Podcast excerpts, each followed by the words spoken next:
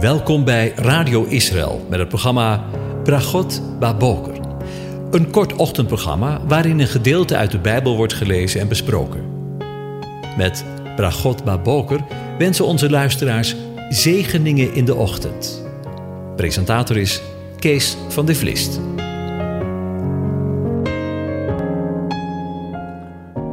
Goedemorgen, luisteraars. Vanmorgen denken we weer verder na over Psalm 119, vers 169 tot en met 176. Ik lees het aan u voor. Laat mij roepen naderen voor uw aangezicht, heren. Geef mij inzicht overeenkomstig uw woord. Laat mijn smeken voor uw aangezicht komen. Red mij overeenkomstig uw belofte. Mijn lippen vloeien over van lofzang, want u leert mijn verordeningen. Mijn tong zal uw woorden bezingen, want al uw geboden zijn rechtvaardig. Laat uw hand op mij te hulp komen, want ik heb uw bevelen uitgekozen. Heere, ik verlang naar uw heil. Uw wet is mijn bron van blijdschap. Laat mijn ziel leven, dan zal hij u loven. Laat uw bepalingen mij helpen. Ik heb gedwaald als een verloren schaap. Zoek u dienaar, want uw geboden heb ik niet vergeten. Tot zover. Over witte lakens gesproken. Inmiddels zijn wij bij het laatste vers van Psalm 119 gekomen, waarin de schrijver van de psalm zegt: Ik heb gedwaald als een verloren schaap. Zoek uw dienaar. Met andere woorden, erkent de schrijver van de psalm dat hij op de verkeerde weg zat. En hij vraagt God om hem op te zoeken. Schapen hebben leiding nodig. Ze horen naar de stem van de herder. Voor vreemden kunnen ze op de vlucht slaan. Wanneer ze in paniek raken, stuiven ze alle kanten op. Wanneer een schaap op zijn rug komt te liggen, heeft hij soms hulp nodig om overeind te komen.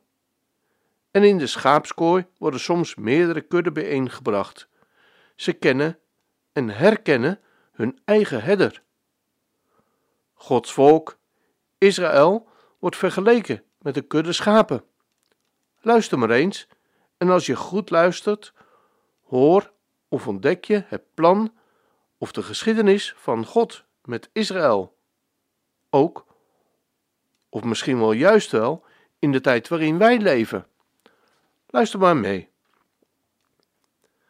In Psalm 78, vers 52, daar lezen we: En hij voerde zijn volk als schapen en leidde hen als een kudde in de woestijn. Dan vers 71 van dezelfde psalm.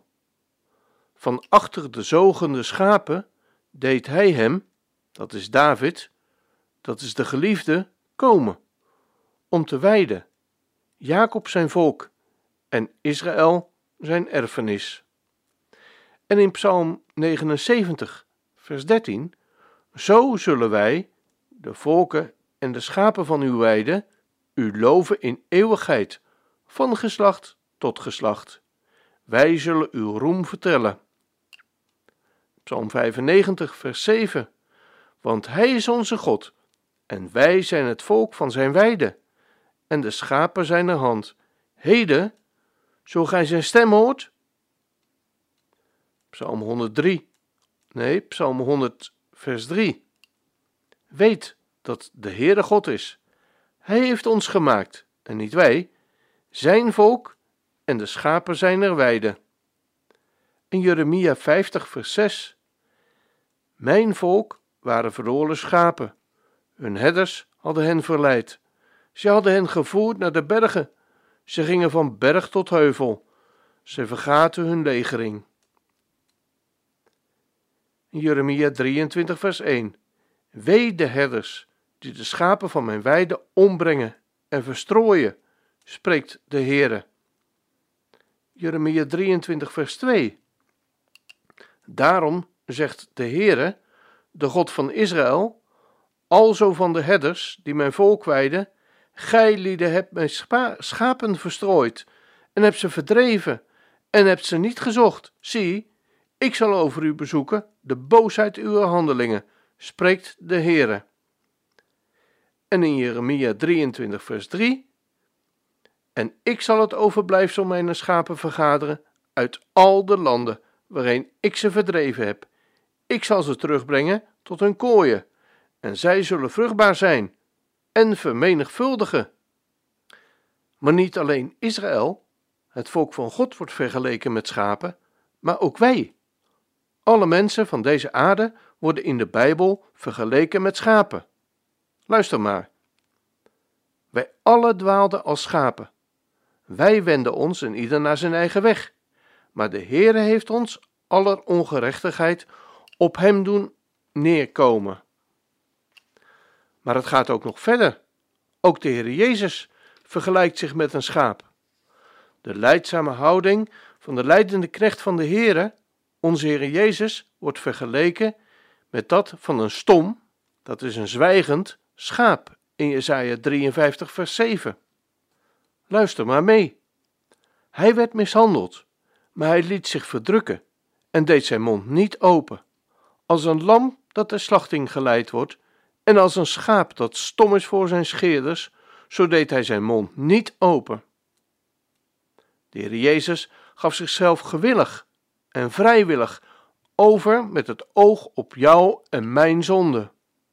Als een lam of een ooi, overgeleverd aan de handen van de mensen, ging hij de dood in. Hij stelde zijn ziel als schuldoffer. Dat is, als een offer voor jou en mijn schuld, voor onze zonde. Ik sluit vandaag en deze psalm af met een verhaal.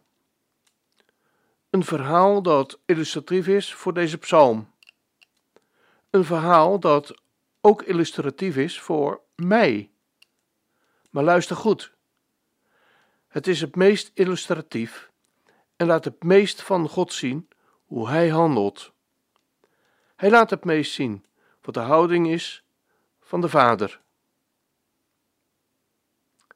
Ik vertel je het verhaal. Hopen op een witte zakdoek. De Roemeense prediker Richard Wurmbrand vertelde eens over een jonge man die een misdaad op zijn geweten had. Daarvoor had hij een lange tijd in de gevangenis gezeten. Voordat hij naar huis ging, schreef hij zijn vader een brief, waarin hij vroeg of hij hem de misdaad wilde vergeven. En zijn vader gaf een merkwaardig antwoord. Die vader schreef: Je komt met de trein en als hij langs ons huis gaat en als je wil weten of ik het je vergeef, kijk dan maar of er een witte zakdoek in een boom hangt. De jongen nam de trein naar zijn ouderlijk huis. Onderweg kon hij niet stil blijven zitten. Hij liep telkens heen en weer. Waarom ben je zo zenuwachtig? vroeg een medereiziger. En toen de jonge man vertelde waarom hij zo gespannen was, zei de passagier: Ga maar zitten. Ik zal wel voor je kijken. Even later reed de trein langs het ouderlijk huis van de jongen. En wat zag hij? De hele boomgaard hing vol met witte lakens. Geweldig, hè? Net als de vader van de jongen verlangt vader ernaar om zondaren te vergeven. Dat is zijn hart. U, Heere, bent immers goed, mild om te vergeven, zegt Psalm 86, vers 5. Gods vergeving is diep en, en grondig. Hij komt er later niet meer op terug en haalt geen oude koeien uit de sloot. U zult al hun zonden werpen in de diepte van de zee, zegt Micha 7, vers 19. En Corrie ten Boom, die schreef erover: Als je genade ontvangen hebt, dan gooit God al je zonden in het meer van vergetelheid. En zet er een bordje bij: Verboden te vissen. De Heere God kan niet zomaar onze zonden vergeven. Hij is namelijk volmaakt, rechtvaardig en heeft een hartgrondige afkeer van elke vorm van leugen, onrecht en zonde. Wie de goddeloze vrij spreekt en wie de rechtvaardige schuldig verklaart, zijn voor de Heere een gruwel. Allebei, zegt Spreuken 17, vers 15. Iemand moet de prijs betalen voor onze, jouw en mijn rebellie, hypocrisie en vijandigheid. Tegenover elkaar, maar ook ter, bovenal naar onze schepper. Daarvoor moest een onschuldige boete, een vlekkeloos lam geslacht worden. Want zonder bloedstorting vindt er geen vergeving plaats, zegt Hebreeën 9, vers 22. En het wonder van het evangelie is dat God zelf de vloek van de zonde gedragen heeft in Jezus Christus. Alleen door zijn offer is er vergeving mogelijk. De Heere Jezus heeft ons geleerd om de Hemelse Vader te vragen om vergeving. En vergeef ons onze schulden, zoals wij ook onze schuldenaren vergeven. Net als de Heere God ons wil vergeven als wij berouw tonen, wil Hij dat wij ook anderen vergeven, als zij hun zonde aan ons beleiden.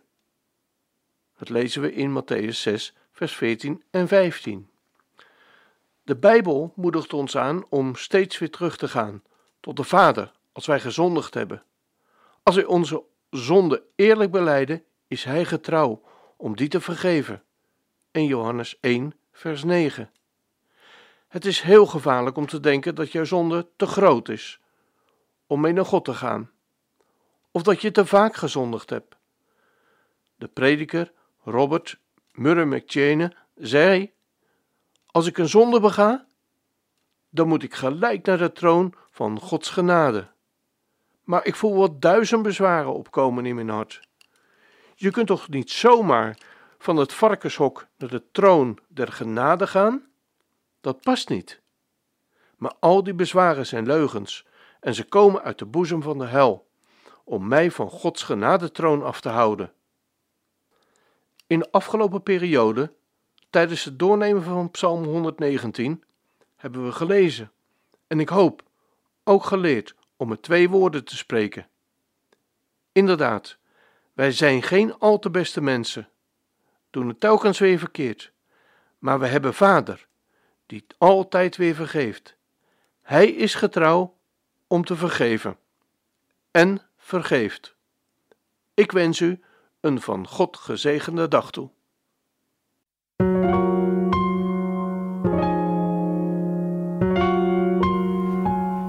U hebt geluisterd naar het programma Bragot Baboker. Een kort ochtendprogramma waarin een gedeelte uit de Bijbel wordt gelezen en besproken. Wilt u het programma nog eens naluisteren, dan kan dat. Ga naar radioisrael.nl en klik onder het kopje radio op Uitzending gemist.